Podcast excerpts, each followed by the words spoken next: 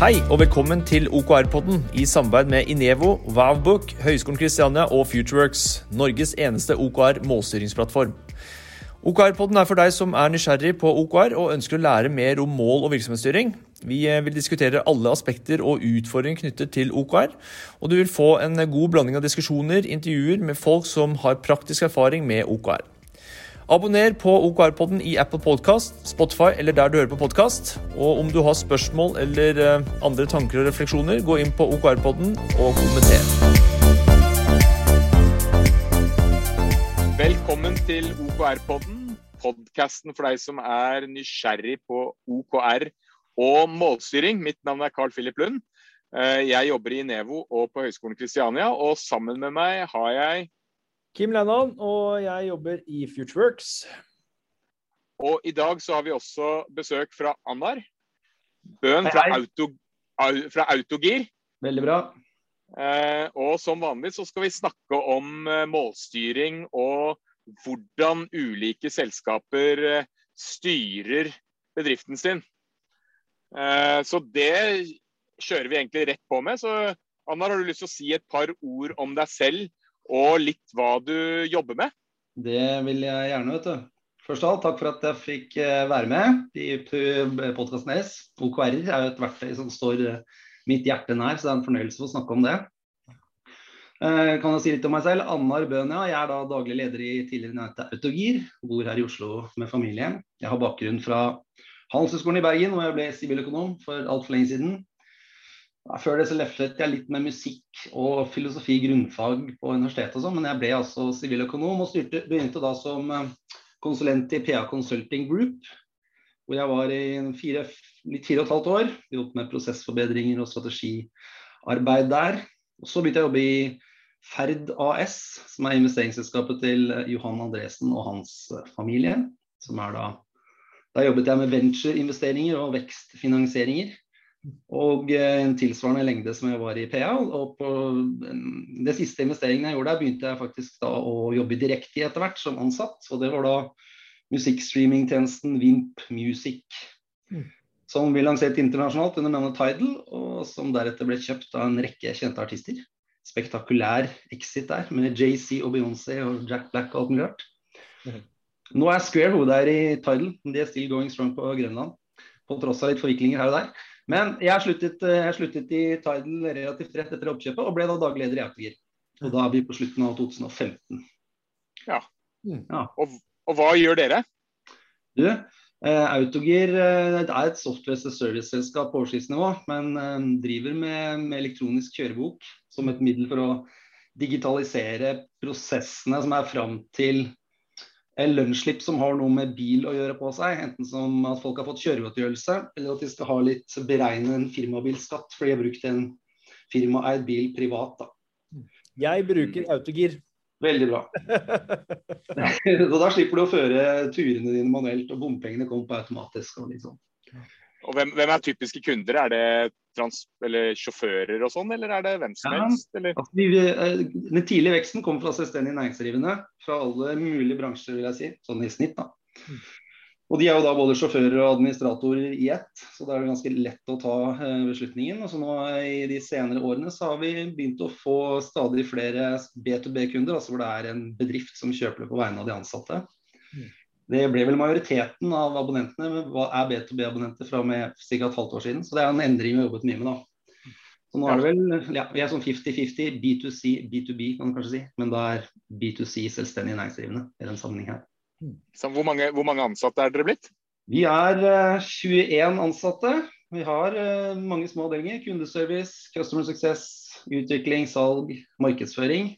Omsetter for uh, ca. 23 millioner i år, kanskje litt i overkant føler vi er fremdeles i en relativt uh, tidlig fase hva gjelder å ta ut potensialet i markedet. for dette. Og Da kommer det store spørsmål. Hvordan var det du kom inn på temaet målstyring og OKR? Ja, altså Målstyring har jeg jo studert i og for seg helt tilbake på Handelshøyskolen, men OKR-er var noe jeg fikk øynene opp for da jeg, begynte, da jeg jobbet i Tidal.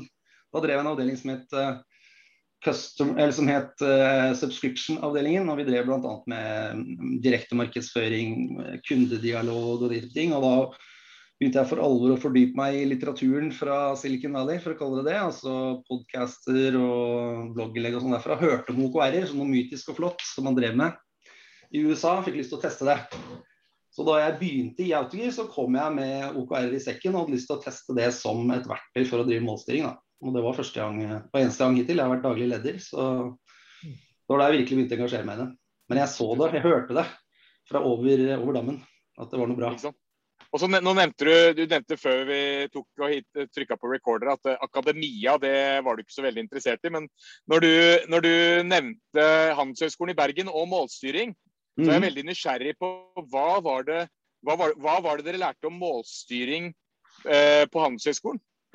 Altså det er jo, For jeg var helt ærlig, så vet ikke om jeg klarer å skille det fra den Clinton fra Veten oppi hodet lenger. Altså. Vi hadde mange forskjellige fag. Og vi lærte vel om balance scorecard og sånt, kan jeg tenke meg. Ja, det gjorde vi. Ja. Jeg tror det kanskje var dit vi strakk oss. Um, jeg kan ikke huske at vi hadde noe sånn management by objective eller andre sånne OKR-forløpere. Vi hadde i hvert fall ikke om OKR-er. Nei. Nei. Nei. for jeg, jeg, leste nylig en Jeg får jo tilsendt en del sånne hovedoppgaver. Og jeg tror jeg leste en uh, hovedoppgave om OKR-er fra Handelshøyskolen. Og, ja. Og, og, da, var det jo om, da var det historien til målstyring, og da er det jo sånn at 90 eh, av bedrifter bruker jo budsjettering som målstyring. Mm. Nettopp. Ja, riktig. Eh, og veldig mange bruker jo en kombinasjon av ulike målstyringsmetoder. Ja. Eh, så budsjettering er jo en form for målstyring, men eh, det, er ikke, det, er jo ikke, godt nok, liksom. Nei, nei det kan du godt si. Altså, det, det vi hørte jo budsjettet der, men det å kjøre en budsjettprosess f.eks. har jeg jo lært på jobben. Men ja, jeg bruker jo det også som et målstyringsverktøy, kan du si. I hvert fall nå som vi har blitt en del av en større organisasjon. For Rautinger ble da solgt til Vi er nå en del av ECIT, som er et stort regnskaps- og IT-konsern. Mm. Hvor ja. vi har masse styringsprosesser av den, eller gode, solide styringsprosesser av den arten der. F.eks. budsjettprosesser, som vi ikke var så nøye med før da vi var et, eh, en liten startup. Mm. Ikke sant. Så eh, i Tidal, brukte dere OKR der? Nei, der brukte vi ikke det. Der, dere, hva, gjorde dere der?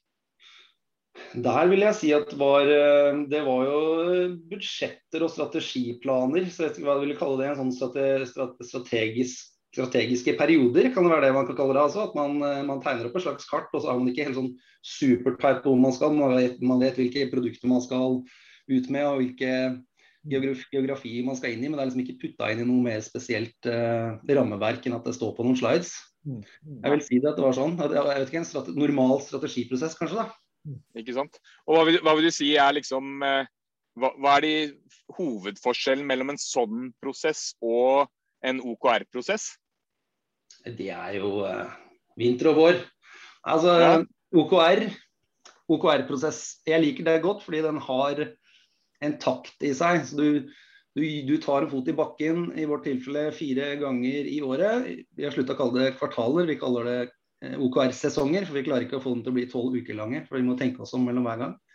Det liker jeg veldig godt. Og en får en rytme som gjør at det ikke stivner. Og den, det får du ikke nødvendigvis hvis du har en toårsplan du jobber med. Da tror jeg det tar lengre tid før du får styrt. Så Det er det ene jeg liker veldig godt. Og så liker jeg uh, det at det er kortere perioder, føler jeg gjør at du blir hardere i å prioritere. For alle skjønner at du rekker ikke alt på åtte uker som vi kjører med nå. da. Så, sånn at du får et klarere valg mellom ulike muligheter du har foran deg. Og så får du mye bedre får du målbarhet da, i en større grad. Fordi du driver med disse veldig kvantifiserte, stort sett, kvantifiserbare bare key resultene.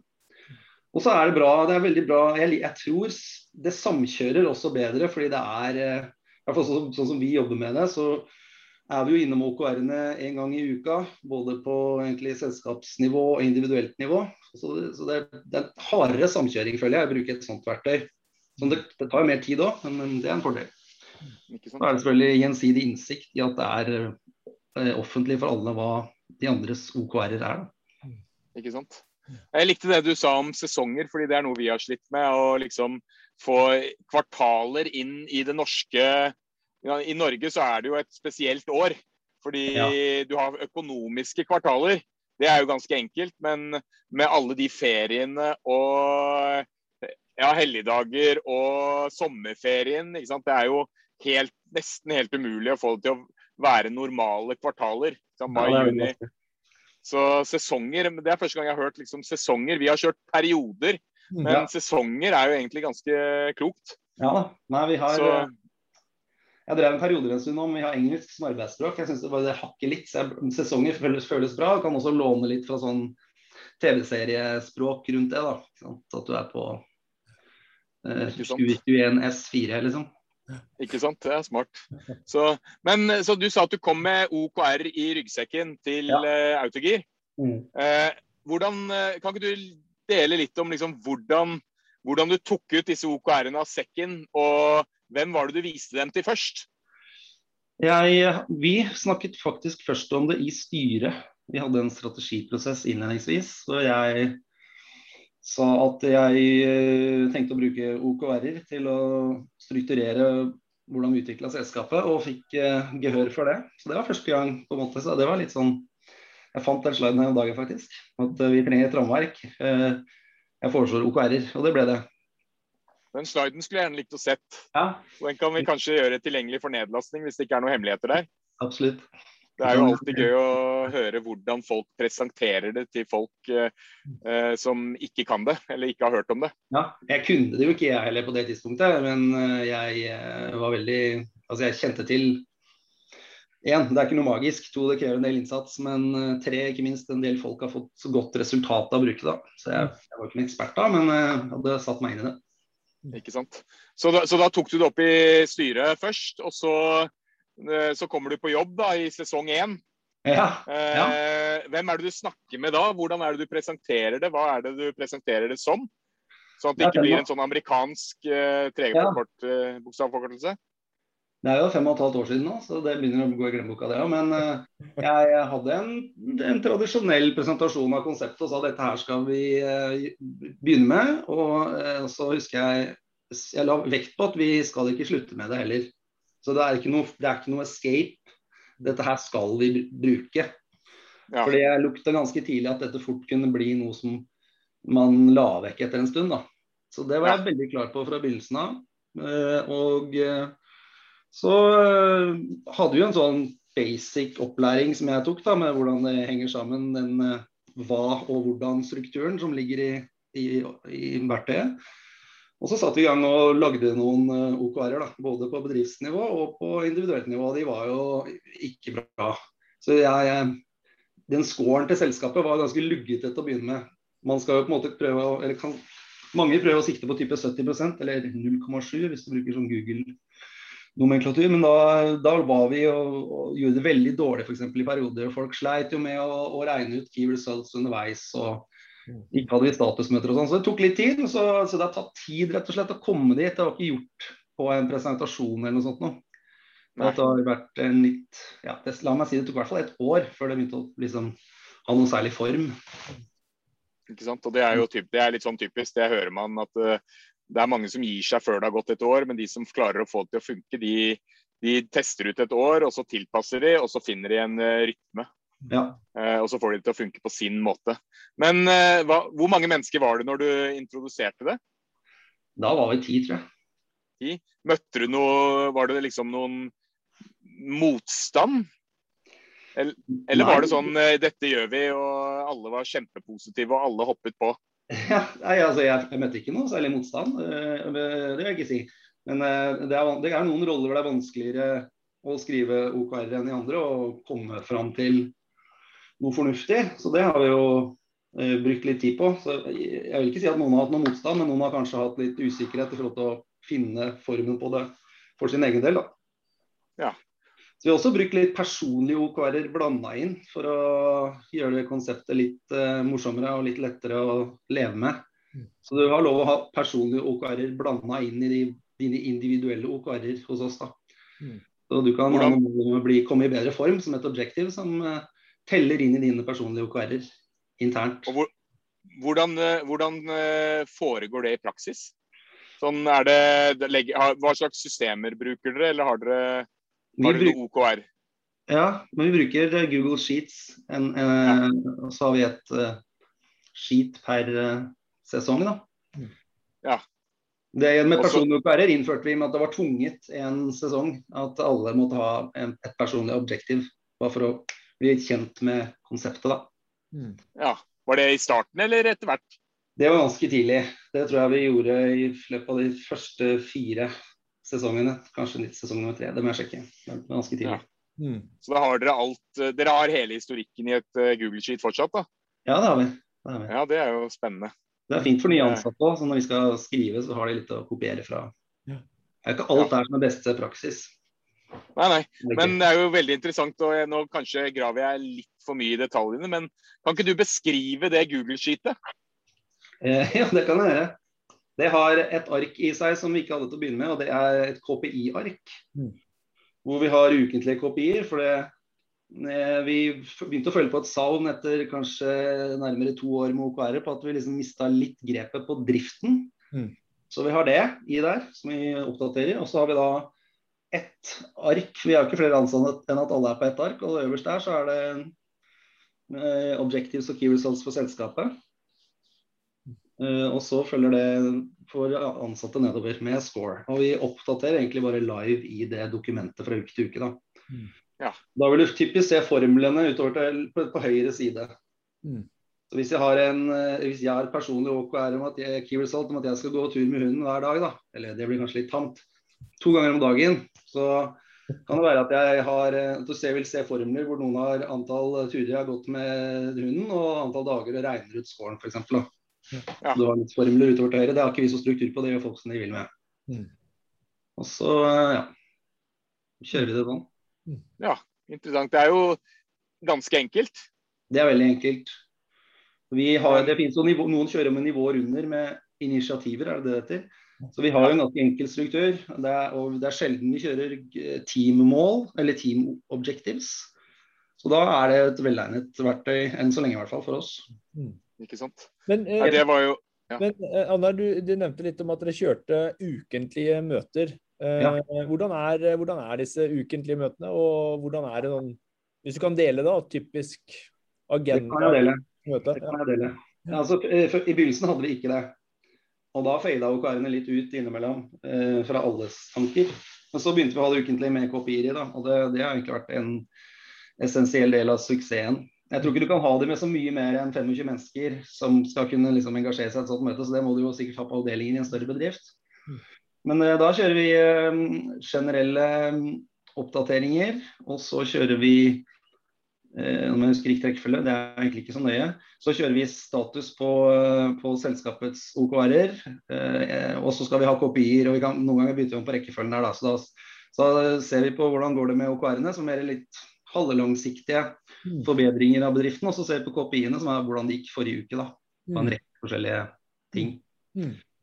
Og du må jo ha kopier for å kunne drive med OKR-er i noe særlig skala, vil jeg si, eller for at det skal være interessant. For du, det skal jo være målbare ting man jobber med, så du må ha noe å forholde deg til. Mm. Så det, det, har vi hatt. Det anbefaler jeg alle, å ha begge deler i ett møte. Mm. Hva, hva vil du si er forskjellen på en KPI og en key result? Nei, altså KPI-en eh, vil jo være eh, hvordan vi Det kan f.eks. være ta banalt en gjennomsnittspris da, på mm. nysalg f.eks. Så måler vi det fra uke til uke, og så kan et uh, key result være noe som uh, man gjør for å forbedre gjennomsnittsprisen. Ja. Så key resultet f.eks. kan være å jobbe bedre med marketing eller salgsprosesser. Og så mm. kan det, der kan det være du skal måle eh, antall tiltak du har gjennomført, eller ja. Mm. Det kan være mye rart. Det kunne være noe så enkelt som at vi skal ha fem workshops for å jobbe med hvordan vi får høyere pris, og så ser vi på kopien samtidig. Mm. Og det legger vi litt på den, da. Er, jeg har hørt en, en god sånn beskrivelse på forskjellen. Det er at uh, en key result er en KPI med ambisjoner.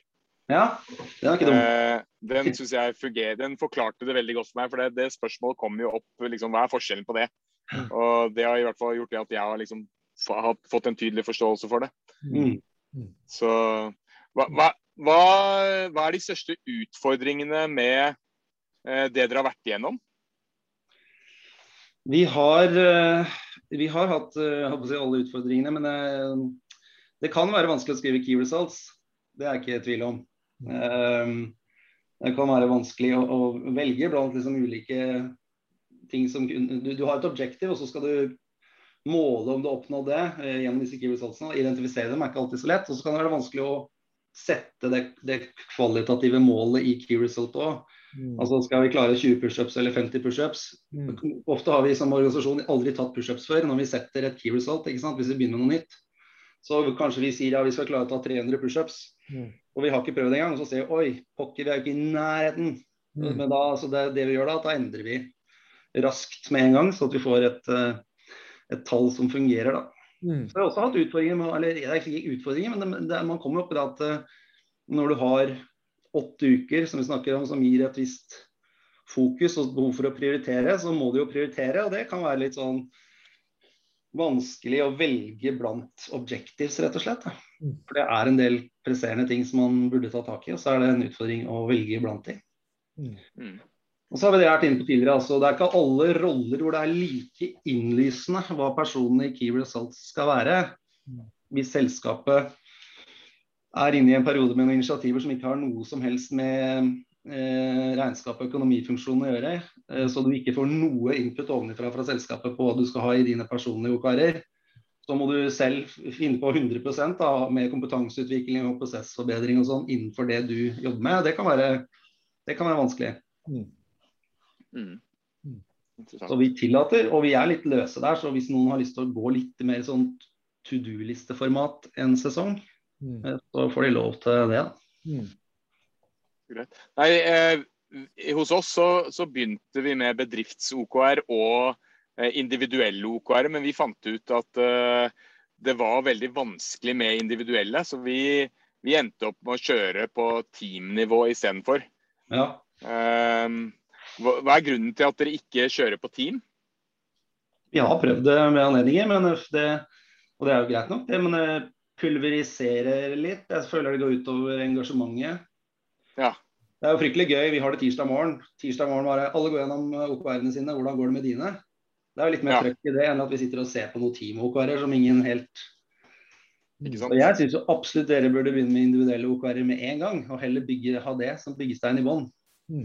Det er min erfaring. Ja, vi, ja, ja vi, har, vi, har, faktisk Vi prøvde ut første sesong, da. Og mm. så, og, så, og så, ble det til at Vi er jo et rådgivningsselskap, så det, så det ble til at folk ikke eh, Det var så mye fokus på at det måtte være fakturerbart arbeid at de klarte ikke de, OKR-ene ble bare en dårlig samvittighet for folk. Ja, ikke sant? Ja. Så, men vi har faktisk eh, reintrodusert det nå i denne sesongen. Og da har vi, da har vi egentlig sagt til folk eh, at eh, hva ønsker du å bli god på? Ja.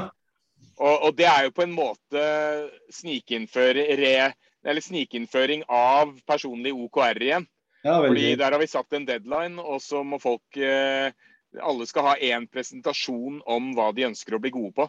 Ja. Eh, og så har de fått rikelig med tid på det. Og så har det blitt litt sånn mye av de samme OKR-prinsippene. At det, det, er jo transparent. Mm. Og da, da, blir det til at du får ikke alle de liksom, unnskyldningene lenger, fordi nå må alle gjøre det. Ja, ja. Ja, det er fint. Så, så... Sånn, ta en sertifisering f.eks. er helt fantastisk. Ta X-sertifiseringer er jo veldig fine uh, key results på sånn personlig nivå. Ikke sant. Lese en bok. Jeg, Ikke sant. på. Jeg har ikke sett det så mange ganger, men eh, det er en drøm om at det skal være mange sånne i selskapets key results. Eller ja, de ansattes. Det er mange selskaper som sliter med akkurat den biten der, om de skal innføre personlige OKR-er i en startfase eller ikke. Eh, mm. Og, og, mye av den og det som vi er litt inne på nå, det å på en måte ha sånn personlige OKR-er som er mer sånn utviklende, eh, er lettere på en måte å innføre men, enn at du har noen tall i forhold til hva du skal produsere eller skape. Ja.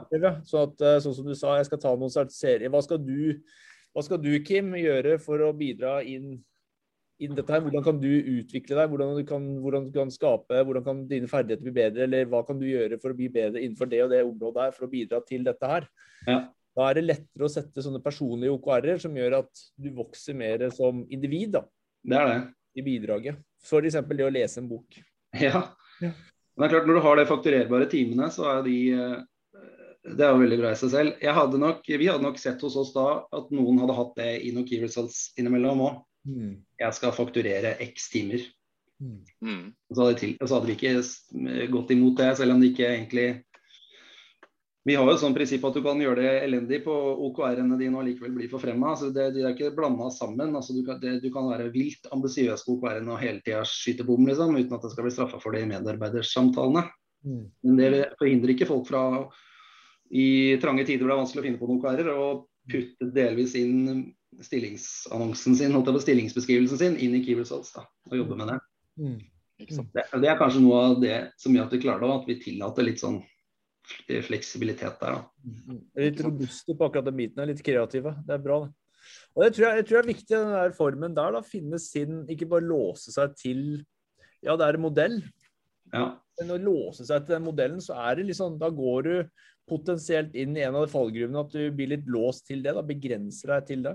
Mm. Uh, og det å være litt sånn kreativ på hvordan du på en måte innfører eller bruker OKR-ene både på personlig og team og avdeling og alt sammen, tror jeg det er, det er en nøkkel for å lykkes med det. Som du sa litt sånn innledningsvis. Ja, det var enig. Kan, kan, ikke du snakke litt om eh, liksom, når du har sesongstart og sesongavslutning, kan ikke du beskrive liksom, hvordan går dere fram for å sette OKR-er for selskapet? Og hvordan er liksom sesongen? Hvordan forløper den? Dere har ukesmøter. Og så ja. nevnte du noe om medarbeidersamtaler osv. Er det Kan du beskrive hvordan dere gjør det? Jo, det kan jeg gjøre. Vi skal jo ha fire sesonger med OKR i året. Og vi setter ikke selskapets objectives likt hver gang, men vi setter de alltid først. da før, ehm, restens, før de ansatte og eventuelle team som kjører OKR i den sesongen, setter sine. Og det gjøres i siste rekke av ledergruppen. Noen ganger har vi såpass klart grep om hva som bør eh, settes fokus på, at vi ikke kjører noe større Mm, eh, vi er så små, ikke sant? så du, det er jo feedback fra frontlinjen og det er mye dialog uansett. Så vi er, vi er aldri helt frikobla. Men eh, noen ganger så kjører vi også litt workshops med hele bedriften. Det gjorde vi nå faktisk sist nå. Før sommeren så gjorde vi det som input til uh, OKR-sesongen vi er inne i nå. da. Så vi har jo da vanligvis uh, det blir vel to-tre uker mellom hver sesong. Og vi bruker ikke så voldsomt lang tid på å reflektere over akkurat forrige sesong. Vi bare tar den med oss inn i planleggingsperioden. og så ser vi litt på, um, eller Før, før, vi, før vi, setter selskapets oppærer, så ser vi da på hvordan går det med kopiene, hvordan går det i markedet, hva hører vi fra kundene. Så aggregerer vi på en måte opp det og, og skisserer egentlig mange forskjellige objectives da, i løpet av en uke typisk. Så har vi kanskje en tre møter, fire, hvor vi snakker sammen. Og så er det jeg som fører i pennen nye Eh, utkast på objectives og key results og eventuelle ting vi ønsker å få med og sånn mm. fra gang til gang. Så lander vi til slutt på, en, på et, eh, på et eh, sett med objectives. Helst bare to, ofte tre. Ofte tre objectives med tre key results hver. De presenteres så til de ansatte, da. Og det er ikke noe sånn superlang sesjon det heller. For det, vi kan jo alle er innforstått med kopiene, og sånn, så vi kan peke på de. og det er sånn, De fleste er sånn noenlunde vil jeg si, à jour med hva som skjer. Så det går ganske raskt å si nå skal vi endelig ta i tur med å sette opp en egen customer success-avdeling. Eller, altså, eller, vi må gjøre noe med gjennomsnittsprisen, eller churn er for høy. Eller. Så, da, så, det, så det tar ikke sånn evig lang tid å forankre eller beskrive objectives og key results på selskapsnivå. De, de, presenterer det ganske raskt, og så, går man, så er det da opp til hver, hvert team å liksom orkestrere prosessen og skrive de individuelle key resultsene. Mm. Ja. Så det, det er det, da er det teamlederne, linjelederne, som uh, bærer en del av børa med å få det i mål etter det. Mm. Så har vi ukentlige møter, ja, som sagt. Og så på slutten så har vi ja, noen ganger et litt lengre møte, men vi har jo nå i det siste eh, oppdatert selskapets score såpass grundig underveis at vi trenger egentlig ikke sånn voldsom avslutningsseremoni heller. Vi, vi, har det siste møtet også, da, se hva scoren ble. Men, vi... Eh, men hvorfor bare to til tre OK-er på en sesong? Hvorfor ikke mer? Nei, Vi klarer ikke mer. Vi, hvis vi har mer enn tre objectives, så blir det vanligvis utvanna. Jeg vet ikke, Det kan være møtet blir for langt òg, hvorfor det er blitt sånn. Men jeg føler to er helt perfekt. Ja. To objectives på selskapsnivå. Ja. Sånn som vi er nå, i hvert fall. Vi Jeg har prøvd er, sånn eh, OKR wins session også. Det er litt gøy. Det har varierende hell, men det kan man jo bryte opp med underveis. Og ha en sånn samling hvor folk viser fram hva de har jobba med i OKR-ene sine. Ikke sant? Det kan være litt stas. Jeg vil jo Ja. støtte deg det å ha, ha to til tre OKR-er. Det er Mm. igjen skal gå tilbake til hva dette er ment for, og så er det for å skaffe oss en, eh, en fokus på hva vi skal jobbe med, hva vi skal utvikle oss, utvikle oss i, og hva vi skal skape i den perioden vi, eller den sesongen vi er i. Mm. Så Favner vi for bredt, så kan det fort bli det motsatte. Ja. Du, du nevnte jo dette her med medarbeidersamtaler så vidt. ja. Eh, hvordan er det dere, Hvor ofte og hvordan er det dere kjører eh, medarbeidersamtaler, og hvem er det som gjør det, og hvordan passer OKR inn der? ja. Vi kjører dem ja, nei, vi kjører dem to ganger i året. Og det er da en linjeleder som har med sin med den ansatte som rapporterer til den linjelederen. Eh, så forhåpentligvis ikke altfor mange skal falle på én person. Vi har de to ganger i året, men vi setter opp ja da. Og det vi gjør da, da går vi gjennom kall det et skjema for hva som har skjedd forrige halvår, og gir en liten score på det. En 1-5-skala. Identifiserer tiltak som skal gjøres for å forbedre ja, ytelse. Vi har eh, også klart å snike inn litt sånn tilbakemelding til lederen. Hva kan lederen gjøre for at det skal bli bedre? Mm. Så laget eh, andre halvdel av samtalen da, ideelt sett handler om å sette opp det arket for, eh, for neste halvår. Hva er, det vi, hva er det den personen skal ha av mål, kompetansemål, hva er arbeidsoppgavene? Hva er de sentrale kopiene på individuelt nivå, faktisk, har vi ofte der òg. Så det går en sånn ja. Se på, se på skjemaet man lagde forrige gang, og lage et nytt et for neste halvår. Ikke sant? Og Da er vi opptatt av at det skal være mm, hva som er den, den, den ansattes ønskede neste posisjon er der, og hva skal til for å bli forfremma. Prøve å være klare på da, Mm. Ja. i, det, i disse. Mm. Så er det ikke alltid lykkes like godt, men det er ambisjonen. Så det står der, og det skal fylles ut. Mm. Så pleier vi ofte å spørre liksom, har du noen tips hvis du skulle liksom eh, forklart dette her eh, konseptet for eh, en eller annen bedriftsleder som ikke har hørt om OKR. Hvordan ville du, vil du, hva vil du anbefalt den personen å gjøre, basert på dine egne erfaringer? Jeg har ikke prøvd som daglig leder selv så mange andre rammeverk. Så jeg, jeg, jeg, er åpen for at det finnes gode alternativer. Men for å sette seg litt inn i det, så tror jeg jeg kanskje ville lest eh, den, eh, den som, altså På denne nettsida til John Doore så ligger den playbooken til Google ute. Den Ja. Google. OKR Playbook. Mm. Det er et PDF. Den er ikke lang. Den er bra å lese for å liksom få grep om hvordan det kan være, tenker jeg. Så den synes jeg I stedet for å lese en hel bok, så kan man prøve å lese den hvis man orker å lese en femsiders PDF. Mm. Hvis ikke så ville jeg sagt at det er som mange andre ting har vært før. Ma- eh, Management by objective 2.0. Eh, det er, eh, Og hvis du vil ha en lettbent, engasjerende og bra eh, ramme for å styre bedriften, så kan du teste det. Det det vil jeg sagt. Ikke sant?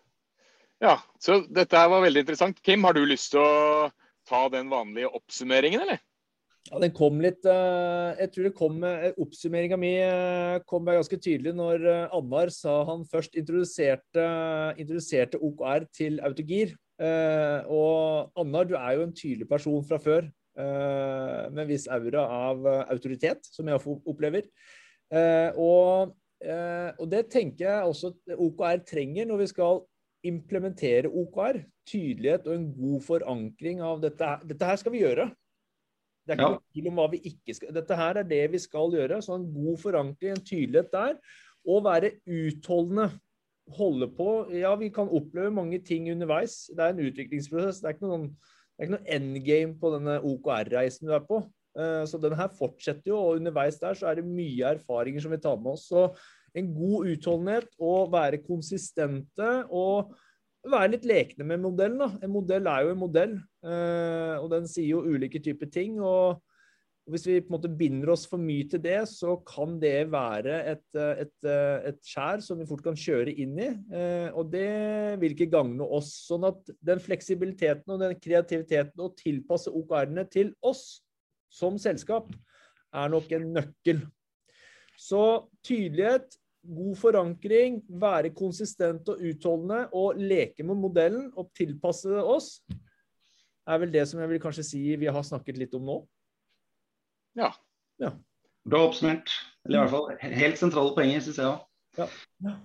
Og så pleier vi også å spørre, hvis noen har lyst til å komme i kontakt med deg, hva, hvor er det de kan eh, Det er jo ikke alle som har lyst til å bli kontaktet, men eh, hvis du har lyst til å bli kontaktet, hvor eh, skal folk finne deg? Nei, de kan finne meg på LinkedIn f.eks. Her er det mulig å sende meldinger. Eller så har jeg en liten blogg hvor jeg skriver om ting som jeg er opptatt av i øyeblikket. Også litt om OKR-er. Annarboom.no er det da. Der, jeg vært. Der står e-postadressen min på om-siden. Om jeg leste, jeg leste, leste artikkelen din, jeg også. Så det er bra. Veldig bra. Da er det egentlig bare å, å si eh, tusen takk for at du tok deg tid, og takk for masse nyttige refleksjoner. Takk for at noen endelig hørte på. Det er en glede. Så bra. Da sier vi bare takk for i dag. Ha det godt. Ha det. Ha det bra. OKR-podden er gjort mulig av Inevo, Vavbook og Futureworks, Norges eneste OKR-plattform som hjelper deg med å sette fart på innovasjon, utvikling og vekst.